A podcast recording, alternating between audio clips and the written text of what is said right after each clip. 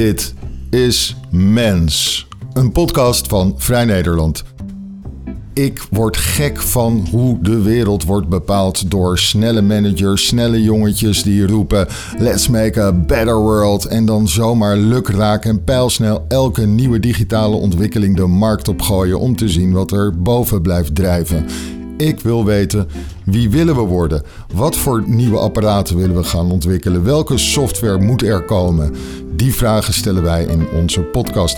Vandaag ben ik beland in een bedrijvenhal. Ergens heel erg ver buiten de ring van Amsterdam. In een haven-industriegebied. Er liggen hier in een hal allemaal verkeerslichten. Maar er zijn ook allemaal kamertjes en die worden bezet door twee interessante ondernemers, kunstenaars, designers. Ik ga straks vragen wat ze zichzelf precies voelen. Mingus Vogel en Justus Bruns. En ik wil een heel klein beetje clementie voor deze podcast, want het is bloed en bloed heet. Wel meer dan 30 graden zit ik met deze twee jonge helden in één klein kamertje. Mingus Vogel en Justus Bruns. Mingus, kan jij jezelf even introduceren en ook zeggen wat, wat, in wat voor verband jullie samenwerken? Ja, zeker. Ik ben uh, Mingus Vogel dus. En uh, zowel de co-founder als partner, als designer, als uh, stagiair van Studio Vouw en Convince. Eigenlijk alles tegelijk. En wij werken samen voor, voor het maken van, eigenlijk met Studio Vouw, van het maken van nieuwe technologieën die we goed inzetten voor het goede, om het zo maar te zeggen. Jullie zijn ook voor Make the World a Better Place. Absoluut, absoluut. ja, tuurlijk, tuurlijk. Ja, je, je, wil wat doen, maar we proberen het met eh, dezelfde technologie te doen als die de wereld eigenlijk een beetje, de, de wereld een meer een fucked up place heeft gemaakt. Daar gaan we het over hebben. Heel goed. Justus, kun jij jezelf introduceren? Ja, ik ben dus de, de rechterhand van uh, Mingus. Zoals Mingus al introduceerde, hebben we twee bedrijfjes. Eigenlijk is het er één, maar het is te complex voor velen te begrijpen dat ontwerpers van allerlei dingen kunnen maken. Of het nou heel erg commercieel is of helemaal niet. Uh, Convince is een meer commerciële tak. Ik denk dat het minder interessant is om, om heel erg daarop in te zetten. Een vouw is juist een bedrijf wat Mingus ook aantikt... waar we heel erg bezig zijn met hoe kunnen we nieuwe technologie inzetten... om de wereld trager te maken in plaats van te versnellen. Leg dit eens eventjes aan mij uit als je wil concreet uh, zie je dat, uh, ja, je hoeft alleen maar één bedrijf te noemen. Uh, kijk naar Facebook. En mensen daar nu gaan werken, zijn ze niet trots om dat te gaan noemen. En daar is een bepaalde reden voor, omdat het bedrijf geld verdient om mensen bijvoorbeeld te demotiveren om te gaan stemmen door de befaamde dark posts, die dus eigenlijk gericht zijn op bepaalde groepen mensen. Die dan op op een manier als ze door hun feed scrollen eigenlijk campagnemateriaal zien die eigenlijk uh, bestaat uit pure leugens. En we zien dus dat die technologie mensen uit elkaar drijft. Vooral in de softwarewereld. En je ziet dat ook bijvoorbeeld bij tieners terug. Je ziet meer, hoe meer ze op sociale media zitten, hoe meer eenzaam ze worden. Uh, je ziet ook uh, de kans op uh, zelfmoord bij tieners in Amerika veel hoger worden dan dat ooit vroeger was. En wat wij proberen te doen is het kind niet met het badwater weg te smijten. Dus juist te zeggen, technologie is interessant. Daar kan je een heleboel dingen mee. Die ook kan ingezet worden om mensen dichter bij elkaar te brengen. Dus in plaats van dus eigenlijk de belofte, de, de valse belofte die Silicon Valley vaak durft te maken. We connect people. Daar, dat doen we in de realiteit. Dat is wat jij net ook zei, Mingus. We gebruiken dezelfde techniek, maar dan voor betere zaken. Ja, inderdaad. En dan niet in de vorm van een app. Want met een app wordt geprobeerd alles op te lossen. Dus in het kader van als je het hebt over eenzaamheid bijvoorbeeld. Ja, we worden eenzaam door smartphones. Dus als je daar een app voor gaat ontwikkelen om mensen te ontmoeten, dan weet je dat er uiteindelijk een verdienmodel achter moet gaan zitten. En dan, dan zit je alsnog weer op die app, krijg je een, een notificatie van Instagram of iets en weg ben je. Dus wij willen fysieke installaties maken waarbij je een echte ervaring hebt. En waarbij je dus op zo'n manier mensen kan uh, ontmoeten, bijvoorbeeld. Ik begrijp het. En nu zijn we in deze mooie fabriek. Nou ja, mooie. Ik zit een beetje te liggen. Een ontzettend lelijke fabriekshal. Nou ja, het is, het, is, het is in de hal al mooi, toch? Het is hier, hier sneu. Ik moet eerlijk zeggen dat het ook in de hal niet echt heel erg mooi was. Maar dat er een paar projecten lagen die ik wel interessant vond. En het eerste wat ik zag, dat was misschien volgens mij ook een beetje waar jullie een, tijd geleden mee, mee zijn begonnen.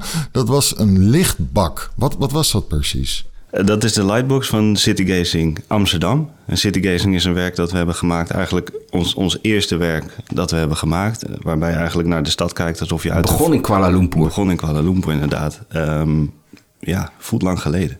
Ehm, 2017. en daarbij kijken naar de, de stad alsof je vanuit een vliegtuigraampje kijkt. Dus zo, zoals je s'nachts eh over een stad vliegt en je ziet, ziet al die steden. En je ziet eigenlijk hoe groot de menselijke voetafdruk is. Eh, geeft een soort van gevoel van, van grootsheid, maar ook tegelijkertijd ja, voel je je heel nietig. Dus dat, dat idee hebben we, hebben we in een lichtwerk gezet. En inderdaad in Kuala Lumpur als eerste voorstel hebben we dat eh, gepresenteerd. En toen was nog de opdrachtgever ook nog zo gek om te Ja, maar zeggen. daar kan je een heel, hele, heel verhaal aan wijden. Ik weet niet of daar überhaupt tijd voor is. Maar dat is echt gewoon... Je moet je voorstellen, wij maakten hiervoor... en dat doen we nog steeds met Convince Infographics. En Infographics, dat, dat betaalt gewoon de huur, zou ik maar zeggen. En op een gegeven moment ging ik met Mingus en zei, zei we gaan, gaan iets maken... Ja, dat gewoon dichter bij ons hart ligt. Dat is een beetje zoals jij af en toe een stuk waarschijnlijk schrijft...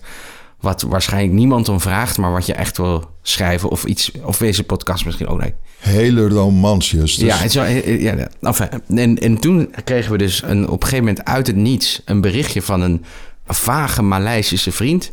Die zei: Kan je een werk voor ons maken in Maleisië? Kan je hier, ik heb, ik heb een klant, die heeft hier 60 bij 30 eh, boven op 15 meter hoog, wilde iets hangen. Gigantisch. Eerst vroeg hij: Kan je me introduceren aan een bepaalde lichtstudio? En toen zei hij: Ja, dat kunnen we doen. En toen bleek het allemaal niet binnen budget. En toen zei hij van, kan je nog een andere soort van Europees... want het moest dan voor die Maleisische ondernemer... dat was een real estate developer... dat moest echt iets Europees zijn. Ja, dan gaan wij dat wel doen. Maar toen zaten we dus echt nog op het niveau van infographics maken. Ja, toen hebben we dus echt een, een letterlijk een Photoshop tekening... van dit beeld naar die vent gestuurd... van eigenlijk de stad, echt letterlijk de voet, voetafdruk van Maleisië... dus gegoogeld, Maleisië from the sky... En dat beeld uitgetrokken en boven die ruimte met een effectje in Photoshop, zoals we eigenlijk altijd die infographics maken. En dat naar die vent gestuurd. Nou, die vond dat fantastisch, maar we hadden echt geen flauw idee hoe je die dingen, hoe je dat maakt. En dan hebben we dus ze hebben gezegd, maar dan gaan we het dan wel met een technische partner doen daar, die dan wel kennis van weet, hebben een architect erbij gehaald.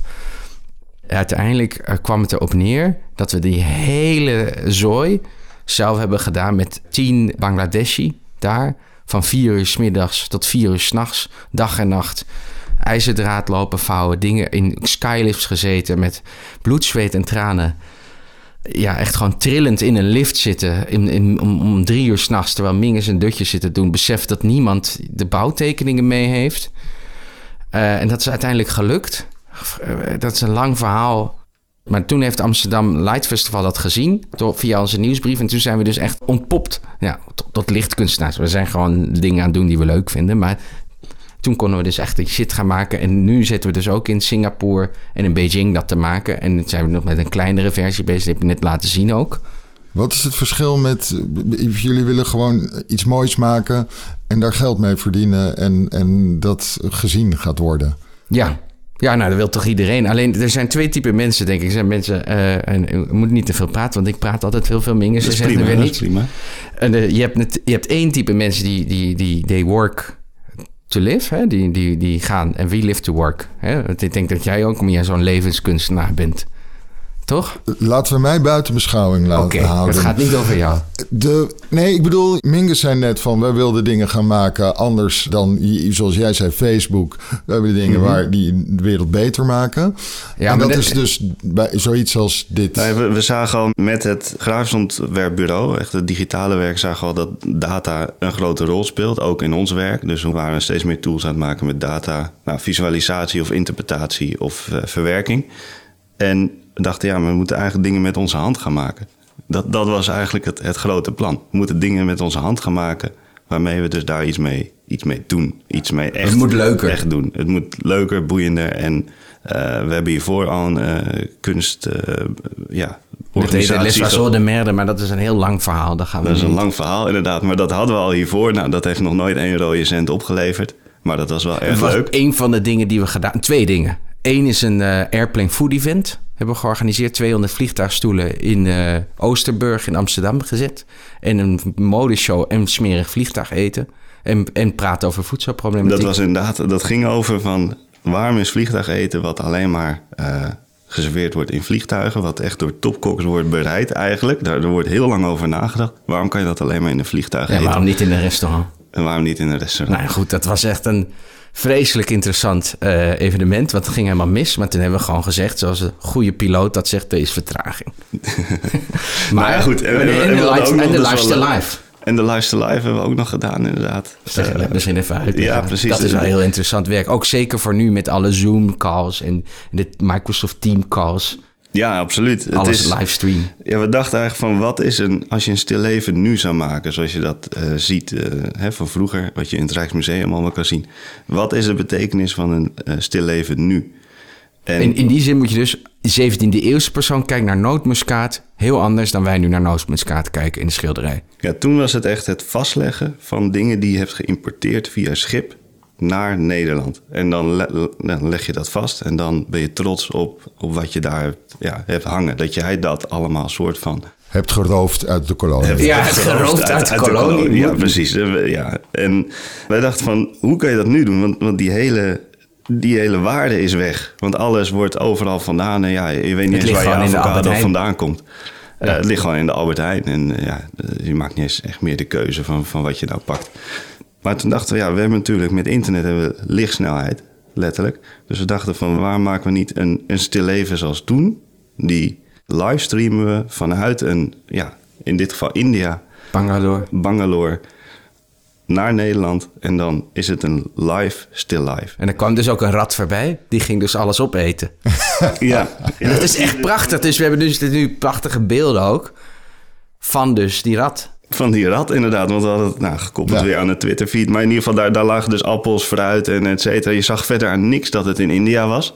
Maar af en toe kwam er dus zo'n hand voorbij die dus... Dat, ja, dat fruit werd natuurlijk rot Ja, na een een tijdje. Dus dan moest je dan weer, moest weer vervangen worden. Dus dat is de ultieme luxe dat je iemand hebt voor jou...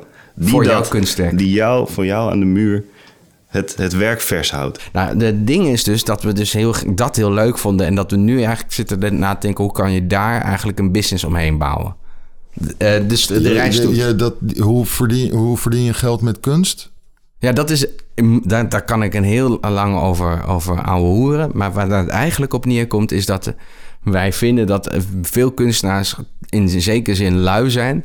Ze gaan niet een keer heel goed nadenken: hoe kan ik mijn kennis extreem hard commercialiseren? En daar gewoon misschien 20% van mijn tijd of 50% van mijn tijd op zitten, zodat ik die andere 50% gewoon vrij ben.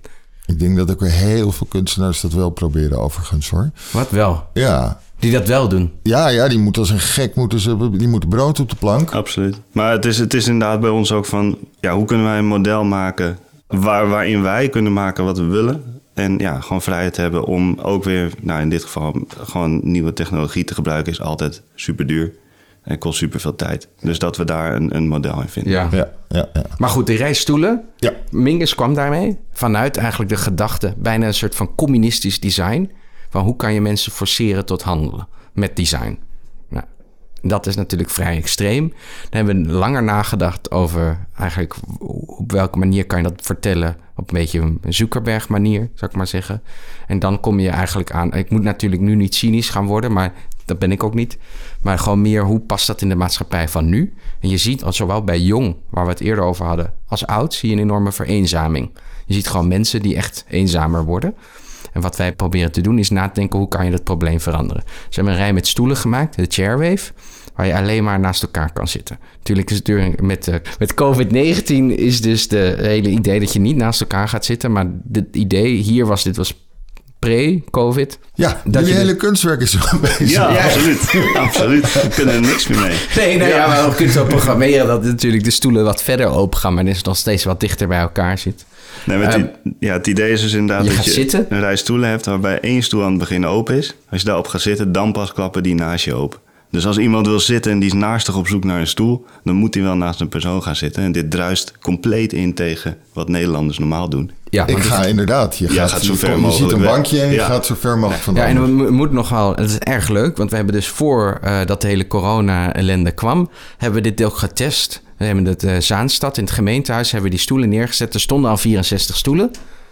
Die stonden daar al. Mingus is toen een uur gaan zitten en gaan kijken hoe zitten mensen nou? Zitten ze nou naast elkaar? Nou, na een uur nul meting klaar. Niemand gaat naast elkaar zitten. Dat was een vol gemeentehuis. Dus niet, het was niet dat er niet de mogelijkheid was om naast elkaar te zitten. Het werd gewoon niet gezeten. Toen hebben we die Chairwave geïnstalleerd een week later. Die stond daar een week.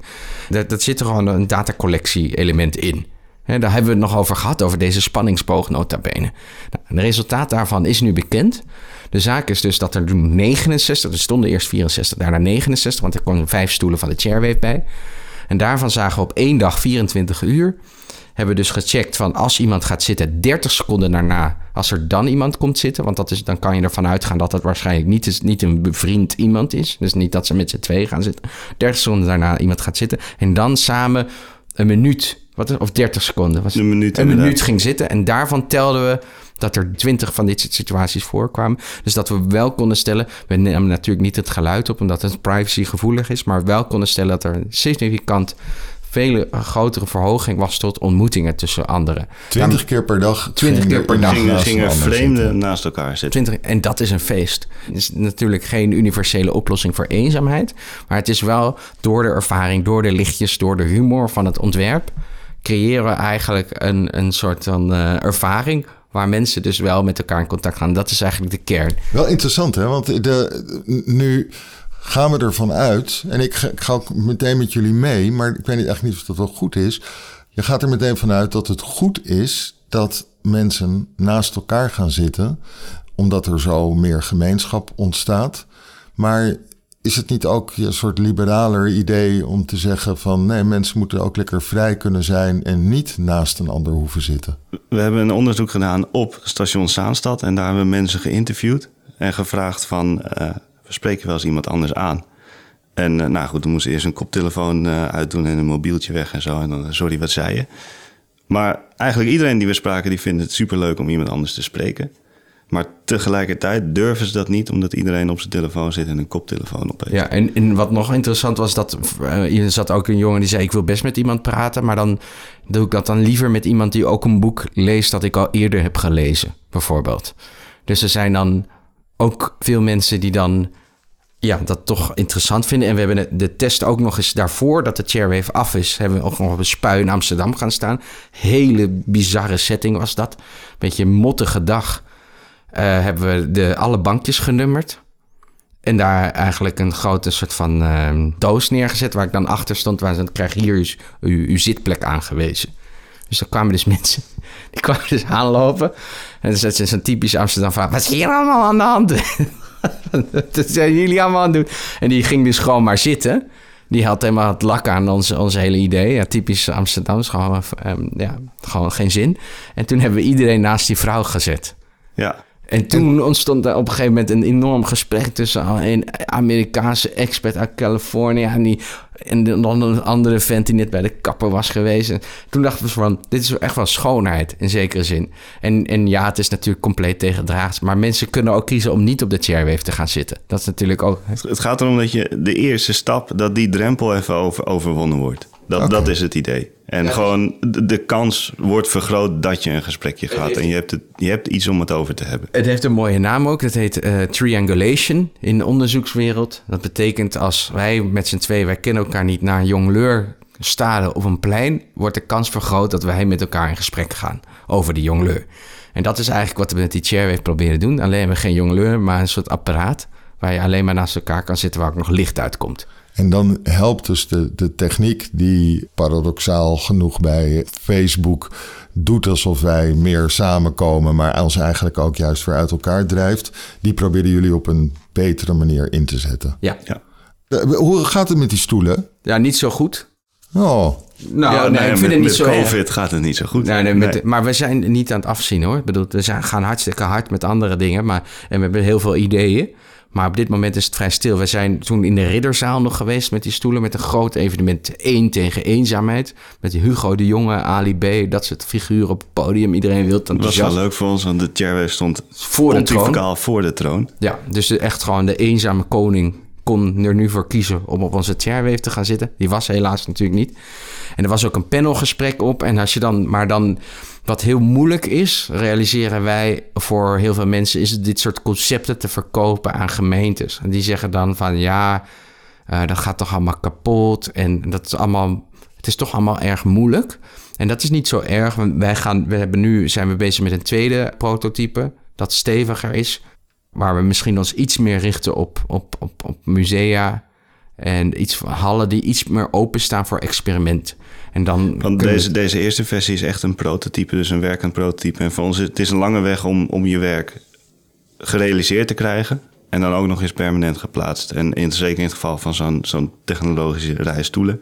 Ja, god, je moet aan hufteproefheid denken, aan regen. Je moet aan warmte, uitzettingen, kou, eh, krimping. En nou ja, van alles moet je mee bezig zijn. Dus daarom hebben we dit prototype gemaakt. Dat is al van, kijk, het bestaat, het werkt. En Ja. nu is het zaak om een tweede versie te maken die sterker is. Maar deze overal podcast gaat daar verandering in brengen natuurlijk. Absoluut, ja. Misschien kan je er eentje maken voor eh, die, een, een chairwave die second wave proof is. Dus dat die op het moment dat er geen second wave is, dat je dan eh, de, de stoeltjes uitklappen naast jouw eigen stoeltje. Maar zodra er weer te veel gevaar is voor corona, dat die dan juist Ja, op anderhalve meter af. corona-sensor Nou, inderdaad. je kan op ja. Vouw Studio even pluggen, Instagram. Eh, kan je een, een foto daarvan zien. We hebben dus letterlijk de, de chairwave zo geprogrammeerd... dat je dus echt ver van elkaar zit. Dat hij En alleen de stoelen opent zo ver mogelijk van andere mensen. Oké, goed. Volgende project. Wat, zijn voor, wat, wat voor projecten doen jullie nog meer? Nou ja, ik wil nog even eh, op, eh, op voordat we verder gaan uitleggen aan de hand van de chairwave. Wat interessant is, is dat daaruit eigenlijk die missie van die Slowtech is gekomen. Dus hoe kunnen we technologie inzetten om de wereld te vertragen? En, eh, maar daarvoor hadden we dus ook een, een missie voor. En dat lag veel meer in het straatje van Zuckerberg en consorten. Dat was Understand Change. Nou, dat gelul natuurlijk. En toen zijn we eigenlijk, heb ik honderd dagen over nagedacht over die stelling. Toen zijn wij twee keer in tussentijd inmiddels naar China geweest. Maar de eerste keer dat we waren, zaten we in een heel groot kantoor in Shanghai op een zondag. Met allemaal mensen die aan het werken waren natuurlijk om vijf uur 's middags.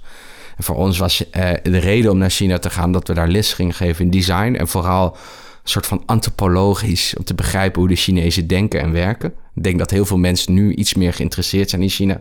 Op dat moment schreef nog eigenlijk niet zoveel mensen over China. Nou, jij was er wel mee bezig, maar over het algemeen vrij weinig mensen. En toen zaten we daar in een setting zoals we nu zaten. Alleen Mingus en ik zaten dan aan één kant van de tafel. En dan zat de vertaler en de CEO en nog een club interns aan de andere kant. Toen wilden wij een werk maken voor die CEO. Want dachten, is leuk. Dan nou, het is we- wel leuk om eerst de presentatie van, Oh ja, van die man even, te vertellen, van dus de CEO. Presentatie, nou, hij zet een beamer aan, dat gaat allemaal moeilijk. En dan gaat hij op een gegeven moment naar een website op de presentatie. En daar scrolt hij een beetje doorheen. Alexa.com, dat is een ranking van ja, gewoon de, alle websites ter, Ter wereld. wereld. Ja. En dan zei nou goed, we staan nu op plaats. Nou, Nummer 7 creatieve site in China. Absoluut. maar, En- sorry, cre- creatieve site? Nou, Hij was CEO die- van? Hij, eh, het bedrijf heet het Digitaling. Je kent hem misschien de website Behance. Het is van Adobe. is een grote portfolio site, ooit overgenomen door Adobe. En daar kunnen creatieve infographics maken, zoals wij ook dat doen met ons andere Eigenlijk je- kun je illustraties op- op Dus laten zien. illustraties, advertenties, logo's, al dat soort ellende. Maar dat is niet zo Chi- China-proof, want de Chinezen klikt gewoon anders. Dus hij heeft Digitaling opgezet. Ja, en dat is dus een, een soort van kopie van Behance, maar dan voor China. En hij zei eigenlijk van, hij ging, ja, zijn presentatie was gewoon die website. Hij zei, we staan nu op plek eh, 3500. Hij ging Onze gewoon naar een browser. Hij ging gewoon Ja. naar een browser. Onze competitie zit onder ons en wij willen hier naartoe. Nou, dan einde verhaal. Nou ja, goed. Hij zit dus die nummers aan. Dus oké, dat, dat geeft een beetje context voor de situatie. Maar daarna was het dus Hoe- wij- oh, eh, elaborate. Wat, hoe bedoel je? Nee, nou wacht even. Eh, de, daarna hadden wij dus, dus eh, allemaal gehoord dat bedrijf is succesvol. En toen zei wij willen een kunstwerk voor jou maken. Heel groot, in Shanghai. Ik dacht, want jij bent alleen maar digitaal bezig. Jij bent alleen hebt- maar misschien moet je het even naar de publieke ruimte trekken. Gewoon, dit is misschien... We hadden geen kaas gegeten, ik een beetje. Maar hoe je in China business deed, dachten we gooien gewoon wat op. We maken een idee voor jou. Nou, hij vond het heel eervol. En toen dacht ik, oké, dan gaan we gelijk over naar de tweede vraagstelling. What's your why? Gewoon, wat, waarom besta jij? En wat is jouw, Want als wij wat is jouw moet- missie en jouw visie? Als wij een werk moeten maken, dan dan moeten we willen een we beetje begrijpen weten... waarom je bestaat. Nou, dat Dat werd- hadden jullie geleerd uit managementboekjes ja, uit San eh, precies. Dan moet je, als je een businessplan is de eerste vraag: waarom besta je? Ja, goed. Start dat- with why. Start with why. Eh, Simon Simek, eh, dat is een soort van Amerikaanse goeroe. Die heeft ook een filmpje dat meer dan miljoenen keer bekeken is. Dat gaat dat eh, bedrijven niet kunnen bestaan bij de gratie zonder waarom. Oké? Dat is heel Amerikaans. Iedereen heeft het gedeeld en ik heb het zes keer gekeken destijds. Ik zeg, en daarom heb ik ook honderd dagen gezeten aan vouw... om dus na te denken over wat is onze waarom. Nou, Voordat we zitten dus voor die Chinezen... Er ontstaat een soort van gekissenbis tussen de vertaler en die CEO. De CEO die vertelt weer iets aan die vertaler. Vertalen een soort van, dat kan je niet zeggen. En dan weer terug. Weet je wel, dat gevoel hebben wij op een gegeven Een moment. beetje stil. Een beetje een stil. stil werd het. De vertaler kijkt terug naar ons en zegt, je lacht een beetje, zegt... Why should we have a mission? We're only eight years young. Coca-Cola, very old company. No mission, no need. uh, oh, that's why mission. We don't need mission. We're just. all- En toen heb ik eigenlijk allemaal bedrijven gevraagd in China: hebben jullie een missie? Hebben al jullie een, een waarom, Oh, zeg hebben maar? Een waarom? groot verhaal, een visie? Ja, en toen viel me op dat geen enkel Chinees bedrijf, inclusief de grote, dus Tencent van WeChat, dus dat is zeg maar de Facebook van China, en Alibaba en zo, die hebben eigenlijk allemaal geen missie. En wij, en ik ontplofte die avond, want ik heb gewoon honderd dagen lang had ik dan gewerkt aan het zinnetje understand change. Terwijl zij allemaal gezegd- een website uit de grond aan het rammen waren. Maar dat hele verhaal stond en waar, wat Amerikaanse eh, mensen ons verteld hebben dat we niet konden bestaan. En hier zitten wij met allemaal succesvolle Chinese bedrijven die ons lacherig aankijken. En dat was een soort van verademing. Dus toen zijn we teruggegaan. Wij willen nu de Chinese, Europese ontwerpers worden. Dus we gaan niet nadenken over onze visie en missie. Nu zitten we hier wel. Het eerste wat we zeggen is onze visie en missie notabene. Het gaat over langzame technologie. Maar dat komt gewoon meer omdat het toevallig zien we dat patroon terug in ons werk. En nu kunnen we gaan over... En we vinden het ook en we staan erachter. En daar ook, zijn ja. we mee bezig. En we hebben die vrijheid binnen vouw om dat te doen. Maar natuurlijk, met, we zorgen wel voor dat de motor blijft draaien. En dat we eh, ja, niet te veel zeuren op andere dingen. Ja. Eigenlijk zijn jullie gewoon lekker bezig. Ja, we zijn lekker bezig. In- Waar zijn jullie mee bezig? nou ja, waar zijn we niet bezig? Het is een, misschien moet... Ik zeg iets en dan zeg jij op het moment dat ik te veel zeg. Oké, Is goed hoor. maar Mingus hebben net af. Voordat jij kwam, zei Mingus tegen mij... Ik heb Sander, zei ik, Sander komt om te horen over ons nieuwe werk. En toen zei Mingus, dat is niet de bedoeling. Oeh, Ja. En nu, geheim werk. en nu, ja, en nu komt... eh, eh, en nu zei Mingus, nou, we kunnen wel wat laten vallen. Jongens, De, de spanning is ondraaglijk, hè? De, de hitte is al enorm. is hier echt gewoon een sauna. En dan deze spanning, jongens. Mensen zitten nu Ja. heerlijk thuis. Waarschijnlijk met een ventilator voor een knar. En wij zitten hier te zweten. Is vooral jij volgens mij, Sander. Spanning. Nee, we zijn met een werk bezig waarbij we eigenlijk, eh, dat heet de Senstempel. En dat is een werk waarbij we eigenlijk gezichtsherkenning en eh blink detection, ogen open of dicht, waarbij we dat inzetten om een eh, ervaring Een te meditatieve ervaring te verwezenlijken. Het is een, een, ja, god, een collective experience. en Nou zo. ja, het, is, het is in principe zo. Kijk, je doet je ogen dicht. En je ervaart eh, geluid en licht dat tegen je gezicht aan wordt gesmeten. Maar als je doet dat met meerdere mensen. Dus jij en ik doen ogen dicht. En dan begint de ervaring. Maar als jij je ogen open doet, dan houdt het op. Voor iedereen. Dus als En- één iemand zijn ogen open doet, dan houdt het, houdt het op voor iedereen. En dan, eh, En het leuke hiervan is, en eigenlijk hebben we nu al alles verklapt. mhm. Wat, wat, wat dit, nu ga ik zeggen wat Mingus van zei, dat moet je niet doen. Dat is dat er gewoon artificiële, ja, gewoon gezichtsherkenning, aka artificiële intelligentie in het werk zit. Die dus gewoon letterlijk, er zit dus een camera die herkent dus of dat je ogen wel of niet open hebt. En het interessante daarvan is, wij lopen in China, we worden gevolgd door allerlei camera's, dat zien we de hele dag. En dat is vreselijk naar. Dat vinden we helemaal niks. Maar je kan dus ook die technologie inzetten om dus een, een soort bijzondere meditatieve ervaring op te zetten. Dat mensen dichter bij elkaar brengt. Ja, in plaats van dat we denken, we zien ook hier overal camera's en we zien, ah shit, de overheid is ons aan het tracken en dit en dat. Zeggen wij, nou goed, we, kun- we kunnen iets met die technologie wat goed is of interessant of in ieder geval een sociaal experiment. En het idee is dat wanneer je met een aantal mensen eh, de ogen dicht hebt, dan, doe je, eh, dan ben je aan het mediteren. Juist. Ja, alleen dan. En je krijgt, je, je krijgt namelijk eh, geluid en licht te zien, licht door je oogleden heen. Dus je ziet, ja, echt door je oogleden zie, zie je, zie je gloed, een gloed van licht bewegen. Dat hebben we dus getest en dat, eh, nou goed, welke sterktes van licht je dat eh, daarvoor nodig hebt. En inderdaad, op het moment dat ook maar één iemand zijn ogen open doet, dan houdt het ook op. Dus je ziet ook niks van de technologie. dan ziet zie je alleen maar niks, een paal je- met camera's Ja, niemand eigenlijk. kan het zien per definitie, omdat je je ogen dicht moet hebben om het te zien. Dus we zijn daarmee bezig. We zitten ook te denken, misschien nemen we een kleinere versie die je dan thuis aan de muur kan hangen. Ja, Dat je dus het zelf kan zeggen, kom maar even binnen, ga maar even voor het schilderij staan. Doe je ogen maar dicht. Het is zo raar dat je gaat kijken met je ogen dicht. Hoe vet is dat? Je ziet daar een soort. Ik, zit, ik, ik zag het voor me net, zoals jullie het vertelden, als, een, als in een museum. Een mooi, een mooi iets. Maar jij probeert er al meteen een commerciële toepassing. eh, justus ja, nou, maar dat is ook vinden. leuk. Kijk, ik denk dat dat weet je, het is waar, wat ik bedoelde eerder met heel veel kunstenaars die doen daarnaast al dingen. Maar ik denk dat het helemaal niet. eh en eh, vriend van ons laatst zei dat ook gewoon. Jullie maken mooie dingen. Dat mag, dat mag je gewoon hard en smerig verkopen. Omdat je dan meer mooie dingen kan maken. Oké. nou, het is niet zo dat die werken aan zich afdoen aan het idee. Het is, we staan compleet achter die werken. En we hebben gewoon geleerd een installatie maken en wegzetten. Dat, dat is een, een enorme operatie. Het kost En veel tijd. daarnaast is het ook leuk als, ja, als gewoon meer mensen het werk kunnen hebben. En dat wij een, ja, kleinere eh, versies kunnen maken. Want dat kan net zo goed. En zoiets als dit, waar je het nu over hebben, is dat. Maak je dan ook gebruik van technieken die al zijn gemaakt door grotere eh, bedrijven? Want ik kan me voorstellen dat ze hè, bij- PlayStation, Sony en zo, dat ze daar allemaal al bezig zijn met, met te, te detecteren wanneer iemand even met zijn ogen knippert als hij een spel speelt. Ja, maar Ja, de klopt. En die, Glass. die, die- hè, dat is eigenlijk al, alle code ter wereld is, is open source bijna. Of is publiek te gebruiken. En het is inderdaad die, die trainingsmodellen. Dus je moet de computer trainen om gezichten te herkennen. Trainen om, om ogen te detecteren of het o- eh, open, eh, open of dicht is. En dat gebruiken we inderdaad allemaal. Maar dat eh, is wel allemaal lokaal op onze computer zonder netwerkverbinding. Interessant hè, dat jullie dus gebruik maken van, van open source software, die ook wordt gebruikt voor hele commerciële toepassingen. Ja, precies dat. Het is eigenlijk, eigenlijk eh, waar we ook met de chairwave over zitten na te denken. Je kan dus bijhouden hoe mensen zitten. Je kan bijhouden welk, eigenlijk welke kleuren. Als stel dat we de, nu is de kleur blauw, maar stel dat we kleur roze maken en we zien dat bij de kleur roze op maandagochtend meer mensen gaan zitten naast elkaar dan op een vrijdagmiddag, dan doen we bijvoorbeeld groen.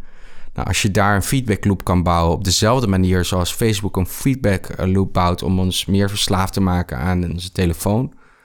Dus door Instagram bepaalde beelden steeds te laten zien bij een bepaalde persoon, waardoor die langer gaat scrollen en dus meer van zijn aandacht geeft aan advertenties, want dat is een model. Als je er juist omgekeerd inzet, maar dat bij het model dan is dat de output moet zijn dat meer mensen gaan zitten en naast elkaar gaan, dan kun je dus een positief effect neerzetten. Dus in plaats van mensen verslaafd worden aan een telefoon, worden ze dan meer verslaafd, verslaafd dan tussen haakjes aan elkaar. En wat zou nou ideaal zijn? Zou nou ideaal zijn dat er dat jullie, jullie soort initiatieven en jullie ideeën terechtkomen bij overheden en dat een overheid zegt van hey, eh, wij willen Facebook, jij gebruikt die techniek voor, voor dit. Google, je gebruikt het voor dat. Maar wij zien door deze mensen dat je die techniek ook kan gebruiken voor een doel dat meer past bij wat wij in dit land willen. Eh, Ja, precies. Meer Mhm. gemeenschap of zo. Is dat, is- dat een beetje wat, je, wat jullie hopen met jullie Ja, invloed? onder andere, ja. En, en, en ook gewoon dat... Kijk, wat je gewoon uiteindelijk probeert te doen... is je zegt gewoon... die technologie die er is, is maatloos interessant. Maar je kan je ook gewoon hele mooie dingen mee maken... dan dat het altijd moet gaan over... vandaag besteld, morgen in huis. Weet je wel? Nou ja, de technologie die nu ontwikkeld is, dat is allemaal. Ja, we leven in een tijd van enorme informatiedeling. Dat echt iedereen is, op zijn, is, ja, is, is thuis bezig met een stukje code te schrijven. En vervolgens een YouTube-filmpje te maken over hoe je dat dan eh, moet gebruiken of implementeren. En eigenlijk zijn de bedrijven als Facebook die ook daarmee weglopen. Want elke coder die zit ja, de hele dag eigenlijk op Stack Exchange gewoon zijn ja, de- de code te knippen plakken. Totdat je uiteindelijk Op wat Stack Exchange? Wat ja, dat is een, een, soort van, ja, een soort van forum voor code. Stack Ehm, Exchange. Ja, Ja, Mingus heeft bijvoorbeeld leren lassen via YouTube. Er Ja, zitten ook wel hele goede dingen bij. ja. Daar- door die grootheden. zo ben je bezig. Of volgende moment zit, zit een tienjarig meisje je uit te leggen hoe je plexiglas glas kan bewerken. De grote bedrijven die, die lopen daar nu mee weg. Terwijl eigenlijk de, de overheden kunnen daar ontzettend veel mee. Ja, maar dit moet niet zeggen dat grote bedrijven zijn daarmee niet gelijk slecht. Ik bedoel, er zijn een heleboel goede dingen die zij ook doen. Zij dragen ook heel veel bij aan die code. Dus, maar waar het ons vooral om gaat, is je moet kritisch kijken naar de, naar de maatschappij. Wat jij ook zegt, we moeten kijken waar we als land heen willen. He, dus bepaalde vragen kritisch stellen. Wat willen wij als land? We willen gewoon elkaar beter begrijpen uiteindelijk. Want hoe beter we begrijpen, hoe beter we met elkaar ja, eigenlijk een toekomst kunnen bouwen die voor iedereen goed is. En daar loopt het nu heel erg spaak door nieuwe technologie, juist ons zo danig in onze bubbel drukt. Dat we niet meer naar elkaar luisteren en dat het steeds extremer wordt. En in, nog een keer met een hele laag van nepnieuws en dat soort ellende. Uh, waarom we ook gewoon compleet verkeerd geïnformeerd worden over wat er eigenlijk speelt, in plaats van gewoon met elkaar in gesprek te gaan. Dus het, kan, het gaat dan in de hele extreme uh, dingen. Wat wij eigenlijk willen laten zien, is dat je zeg maar met de. Met die, met die, met die ingrediënten uh, van die dus ingezet worden, waar onze maatschappij, waar we, van we zien dat de maatschappij uit elkaar drijft. Dat je dingen kan maken die ons eigenlijk ook, die de maatschappij mooier maken, waar een soort van schoonheid in zit. Je zei er zijn ook veel mooie dingen. Wat zijn nou de, de mooie dingen die uh, in de digitale ontwikkelingen die, van massaconsumptie. Nou ja, zoals de Mingus leert dus lassen via YouTube. Ja. Ja, het is echt ongelooflijk wat voor schat van informatie zitten. Gewoon echt mensen die zitten thuis. Ik heb alle kunde die ik heb waar ik gewoon nu mijn huur mee betaald, is praktisch, ik zou bijna durven zeggen, 90% is dankzij het internet. En dankzij dus die Googles en die Facebooks. En, en het maakt ook dat je zelf eigenlijk, ja, je, bent in die zin multifunctioneel. Je kan letterlijk alles. Wij, wij doen alles hier ook zelf. Uh, we hebben wel een programmeur dan erbij voor uh, ja, de, de, echt spannende dingen.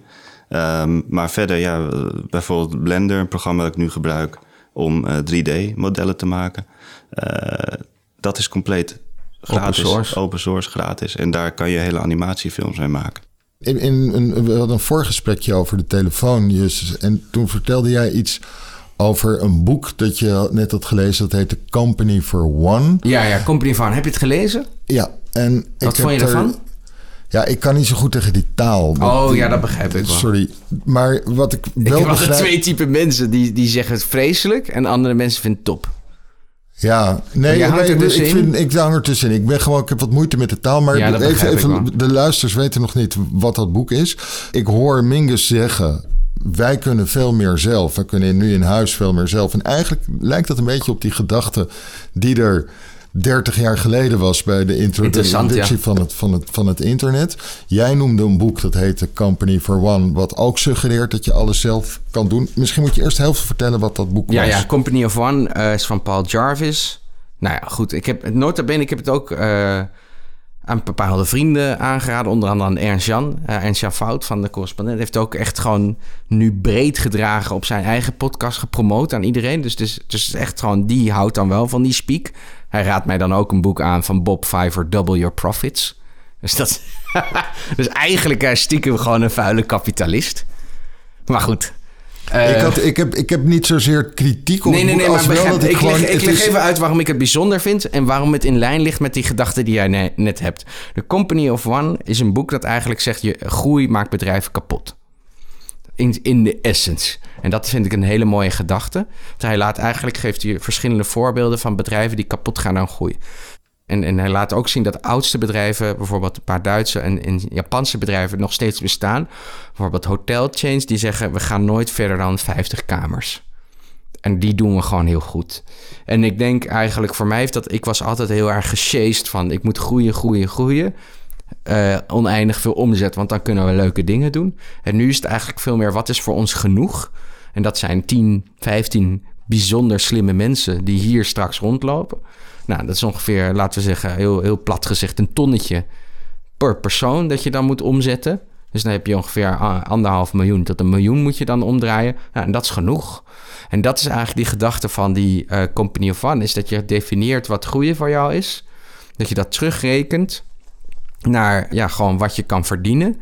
En dan kijk je gewoon heel concreet naar de diensten die je levert als bedrijf Of als, als met deze kunstwerken van hoeveel kunnen, voor hoeveel kunnen die city gazings wegzetten, et cetera. En dan ga je werken dat je die tien mensen hebt. En vervolgens zorg je er gewoon voor dat de, dat de stroom gewoon verbetert. Dus dat de de klanten aan was, of de partners met wie je werkt, of de contractors met wie je werkt. Dat al die mensen gewoon heel graag met je willen blijven werken. Dat je die goed verzorgt. Zoals je een dier hebt of zo. Dat ze niet weglopen. En uh, dat is de kern. En dat vond ik zo fascinerend, omdat je altijd bezig bent met. En ik zei dat ook tegen Mingus, dat boek is echt insane. Want ik, ik, ik viel een hele last van mijn schouders af. Dat ik helemaal niet bezig hoefde te zijn met groei. En dat ik alleen maar bezig hoefde te zijn naar definiëren wat genoeg was. En ik denk dat dat in zekere zin de kern is. En dat linkt dan ook weer naar dat jaren negentig gevoel. Dat het eigenlijk veel meer is wat wij leuk vinden. Wij kunnen gewoon goed door een deur. En Minkus is heel erg uh, goed in dingen maken en uitzoeken. En dat zo perfect maakt dat het echt gewoon, ja, dat gewoon echt een next level ding is. Uh, en in mijn geval ben ik wat beter in de sales verhaal en zo. Nou, en, en, dat is een beetje dat je gewoon eigenlijk een beste bedrijf maakt dat je wil hebben en daar, daar blij mee bent.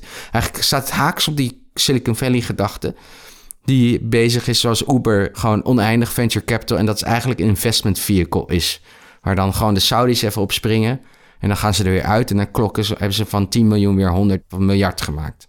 En dit lukt dus omdat er dankzij grote bedrijven allerlei software is, allerlei programma's zijn waarbij je makkelijker af kan zonder een uh, hele boekhoudafdeling, een lasser in dienst te nemen. Want je kan zelf ook dat eventjes snel. Ja, maar vergis je niet, die grote bedrijven zijn helemaal niet groot. Uh, hij refereert heel veel aan Mailchimp bijvoorbeeld. Hij, hij zegt uh, automatisering uh, zorgt ervoor dat je heel makkelijk klantencontact doet als een individu, als twee mensen bijvoorbeeld. Kan je, met twee mensen kan je heel veel mensen op de hoogte stellen van wat je doet als bedrijf en daarmee klantencontact opbouwen. Maar Mailchimp is in zekere zin op exact dezelfde manier groot geworden. Zonder is Mailchimp?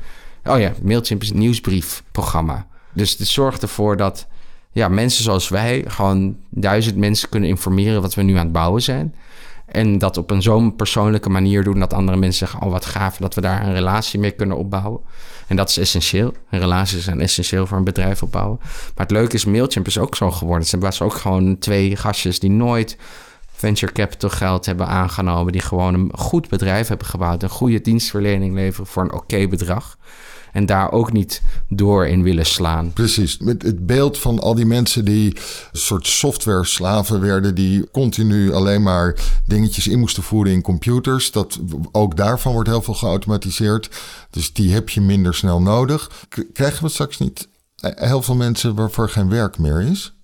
Nou ja, goed, dat, dat is altijd een angst. En volgens mij is die angst er altijd. Ja, ik zie nu juist meer. Nou goed, en dan, dan hebben we het even over ja, bijvoorbeeld het lassen of whatever op YouTube. Wat je ook maar wil leren. Je kan het daar leren. En dat zijn allemaal mensen die in hun vrije tijd eigenlijk als hobby dat uitleggen aan anderen. Uh, sommige professioneel, sommige heel amateuristisch. En uh, ja, het is een beetje als je het hebt over die hele visie van internet, van inderdaad die 30, 40 jaar terug, van wat dat allemaal kon zijn. Dat was natuurlijk een utopisch beeld en er zitten ook heel veel, nou ja, goed, gewoon slechte kanten aan. En dat heb je altijd allebei. Mijn beeld is een beetje dat je hebt inmiddels uh, drie jongens kunnen op een zolderkamer gaan zitten met drie laptops. Kunnen bedenken van, hey, de ja, aardappel... Die, die jongetjes waar jij het over ja, hebt. Die kunnen bedenken, de aardappel-export. Dat is een uh, uh, manier in Nederland, dat wordt altijd al op een bepaalde manier gedaan. Wij gaan eens even kijken of wij dat beter kunnen ja. doen. Ja, nee, die kunnen in drie dagen kunnen ze dat bestuderen en vervolgens kunnen ze dat zelf gaan doen. En die grote bedrijven die de aardappel-export deden, daar verliezen uh, juffrouw Trudy en meneer Kees, die verliezen hun baan. Ja, nee, maar je hebt je, een heel mooi boek om daarbij te lezen. Het heet The Second Machine Age. Dat gaat echt over eigenlijk bijna een soort van boek voor beleidsmakers. Wat moet je doen in deze tijd? Hè? Dus, uh, en het, is, het klopt. Uh, je ziet ook trends in de VS waarbij echt daadwerkelijk vooral de onderklasse, dus echt de onderkant van de middenklasse, die niet hoog opgeleid is, daar gaat het echt goed, goed hard mis. En met die COVID wordt het alleen nog maar erger. Want dan ga je gewoon kijken hoe kan alles nog beter. Kijk, we hoeven ineens meer naar kantoor. Dus oké, hop, weg met die werksters die al die kantoren schoonmaken. Weet je, dat werk gewoon, er gaat een enorme uh, een golf doorheen. Er is een man die daar iets heel zinnigs over heeft gezegd. Over hoe hij dat probleem zou oplossen. Dat is Kai Fu Lee. Dat is een Amerikaanse Chinees. En die heeft lang bij Google uh, gezeten en zit volgens mij nu bij Alibaba op de AI-afdeling. Die zei, we moeten niet naar een basisinkomen gaan. Want de basisinkomen, daarmee eigenlijk geef je mensen uh, geen reward voor hun harde werk. Maar, zegt hij, wat, wat we nu missen en wat we nog veel meer gaan missen... eigenlijk past het heel goed in de lijn van Vouw. In deze samenleving is een ondersteuning van mensen die voor andere mensen zorgen. En er ontstaat heel veel kapitaal uh, komt er vrij, hè, omdat er heel veel bespaard wordt. Nou, dat kapitaal moet gevangen worden. En dat moet in feite moet het, uh, gesubsidieerd worden aan alle mensen die bezig zijn. Zoals mantelzorgers, zoals mensen die gewoon in de zorg bezig zijn. Mensen die gewoon emotionele dingen bieden die robots niet kunnen bieden dat zegt hij heel mooi. Hij legt eigenlijk uit, zegt hij van ja, wij kunnen als mens één ding bieden. En dat is gewoon voor elkaar zorgen, er voor elkaar zijn. En daar, daar zegt hij, die mensen die dat werk doen, en dat kan in principe iedereen doen, dat moet je gaan subsidiëren. Maar dan krijg je alleen maar dat basisinkomen als je daadwerkelijk iets doet dat bijdraagt aan voor elkaar zorgen. En dat is, dat is interessant. Omdat je daarmee. Want het hele basisinkomenverhaal, daar heeft hij ook nog een heel. Daar ga ik je niet mee vermoeien. Maar daar heeft hij ook nog een hele theorie op waarom dat niet gaat werken. En dat zeggen ook veel andere economen. Onder andere de economen die het uh, verhaal hebben geschreven van The Second Machine. Het is een fantastisch boek. Uiteindelijk is de essentie vooral als ik met jou praat, is het eerste wat we vaak, en we kennen elkaar niet, het eerste waar we het over hebben is ons werk. Van wat doe jij? Het identificeert. Met het basisinkomen haal je die identiteit eigenlijk weg. En wat hij zegt, je moet dan subsidiëren dat mensen voor elkaar zorgen met dat basisinkomen geld. Ja, ja. het merkwaardig is dat ik nu gerustgesteld raak, omdat een, geniaal iemand die op de AI-afdeling van, van Alibaba, dat die zegt: we kunnen de zorg niet door computers uh, vervangen. Ja. Oké. Dat, is, dat is toch leuk? Ja, nee, dat nu komt het wel echt dicht bij het onderwerp van jouw podcast, toch? Dit is toch de het idee van mens, dat we het hebben over. Het idee van wat willen we worden, wie willen we zijn. Ja, precies. Nou, dan moet je dus... Dat, dat heb ik uh, nu niet op mijn netvlies, maar dat zal ik je zo... Dat is het laatste boek volgens mij van Kai Fu Lee. Gaat heel erg over China en artificiële intelligentie, waarom de Chinezen daar harder in zijn. Maar die geeft dus ook een hoofdstuk gewijd aan dus dit verhaal. En dat is dus maatloos interessant. Kai Lee, we zetten het bij het stukje, de verwijzing bij het stukje ja, dat bij de podcast ah, Oh, ik weet hem. AI Superpowers heet het. AI superpowers. Ik heb, wil jullie nog één ding vragen. Er staat Mingus, hier, ik heb echt al te veel getetterd.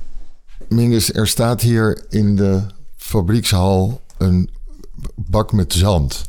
En die staat daar heel geheimzinnig te zijn. Wat is dat voor project? Dat is een ontzettend geheim project. en het is, uh, ja, daar kunnen we echt niks over, kwijt, over kwijt. Anders uh, kunnen we het opdoeken. En, uh, het kan ook niet doorgaan, hè? Dat moet het kan ook, niet doorgaan, inderdaad. En uh, het is een mooie bak met zand die heel... Uh, die heel goed zijn werk doet. Die heel goed zijn werk doet en waar we echt heel veel tijd en moeite... Elk steentje hebben we daarin mooi neergelegd. En komt die voort uit jullie why? Het understanding change... Nou, die, die stand moet je vergeten. Hè? Dat was dus, die hebben we weggegooid. Het is nu Slowtech. Slowtech. En daar past het compleet bij. Het compleet. is nu Slowtech? Ja. Oké. Okay. als, als Japanners hebben wij die, eh, die bak met zand. En wij zitten nou, organiseren. Nee, nee, nee, Ming zegt gewoon zand van ik, ik, moet, ik, ik, ik, dacht dat dit de laatste vraag was. Maar ik, denk, ik heb niet goed gevraagd naar wat Slowtech precies... Ja, sorry, ik moet toch vragen naar the why van Slowtech. Nou, het is, het is in eerste instantie niet echt een why. Het is gewoon dat je op een gegeven moment ben jij gewoon stukken aan het schrijven. En dan zie je ook een soort van patroon. Hé, hey, mijn stukken gaan altijd een beetje hierover, toch? Of dat, omdat je dat interessant vindt. Of die vraagstelling. Als je een interview schrijft, dan komt een bepaalde vraag komen steeds terug. En dat is ook een beetje, maar dan op, in ons werk, dat wij gewoon zien. Het gaat altijd steeds over technologie.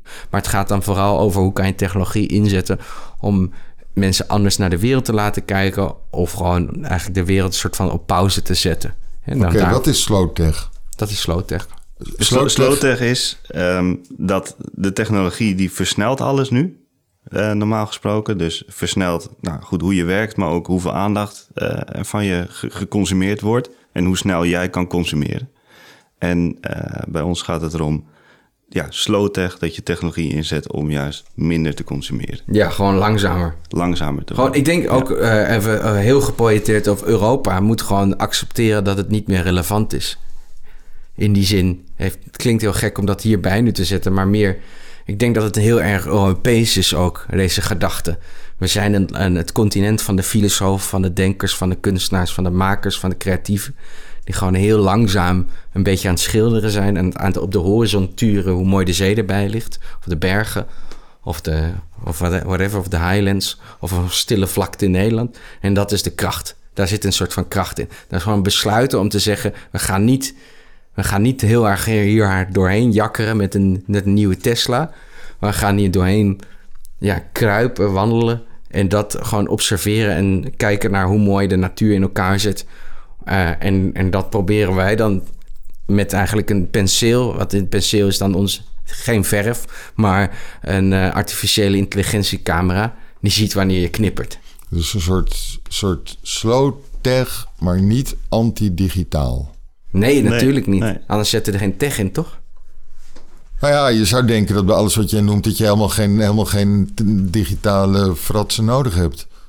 Ja, maar dat is dat, dat om alle, in alle eerlijkheid. Wij, vinden gewoon technologie fascinerend en interessant en leuk. Dus het is ook gewoon, in alle eerlijkheid, is ook gewoon wat wij leuk vinden. Absoluut. En kunst gaat sinds, sinds jaar en dag gaat het eigenlijk om de techniek. Dus hoe is iets geschilderd? Hoe heeft Van Gogh geschilderd? Niet wat hij heeft geschilderd. En um, nee? nou ja, goed, als je, als je het hebt over, kunst? als je het hebt over, als je hem, uh, als je Van Gogh uitlegt, dan ja, een landschap. En er zijn heel veel landschappen geschilderd, maar hoe Van Gogh dat heeft geschilderd is anders. En eigenlijk, het, gaat erom wat je wil bereiken. Dus je wil een, of een gevoel of een idee overbrengen. En uh, eigenlijk uh, gebruiken wij de, ja, de materialen die nu tot onze beschikking zijn, uh, gebruiken wij om ons werk te maken.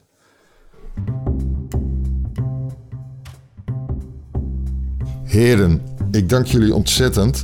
Ik ben heel erg benieuwd naar de, naar de zandbak en het nieuwe idee dat ik niet mag weten. Het is ook niet zo dat jullie het niet voor de podcast vertellen, maar dat jullie ook, ook, ook als de microfoon uit is niet aan mij willen vertellen. Toch? Nee. Ach, jammer. Justus Bruns en Mingus Vogel van Vouw. En voor de infographic verkoop en design ook van Convince. Heel erg bedankt. Heel erg succes. En we zullen op de website van Vrij Nederland bij onze pagina's uh, zetten we een paar links naar jullie projecten en naar de genoemde boeken. Dank jullie wel. Dank je wel. Dank je.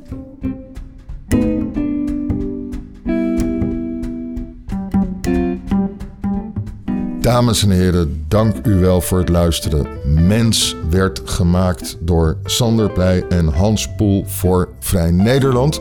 U kunt u abonneren op deze podcast via uw podcast-app. Of u kunt sterren geven. Als u dat doet, dan komen we hoger in de algoritme. En als we hoger in de algoritme komen, dan krijgen we meer luisteraars. En als we meer luisteraars krijgen, dan kunnen we gratis blijven. En dan kunt u ons gewoon blijven luisteren. U kunt ook een abonnement op Vrij Nederland nemen. En Vrij Nederland kunt u dan bereiken via vn.nl/slash podcast. Dank u wel voor het luisteren.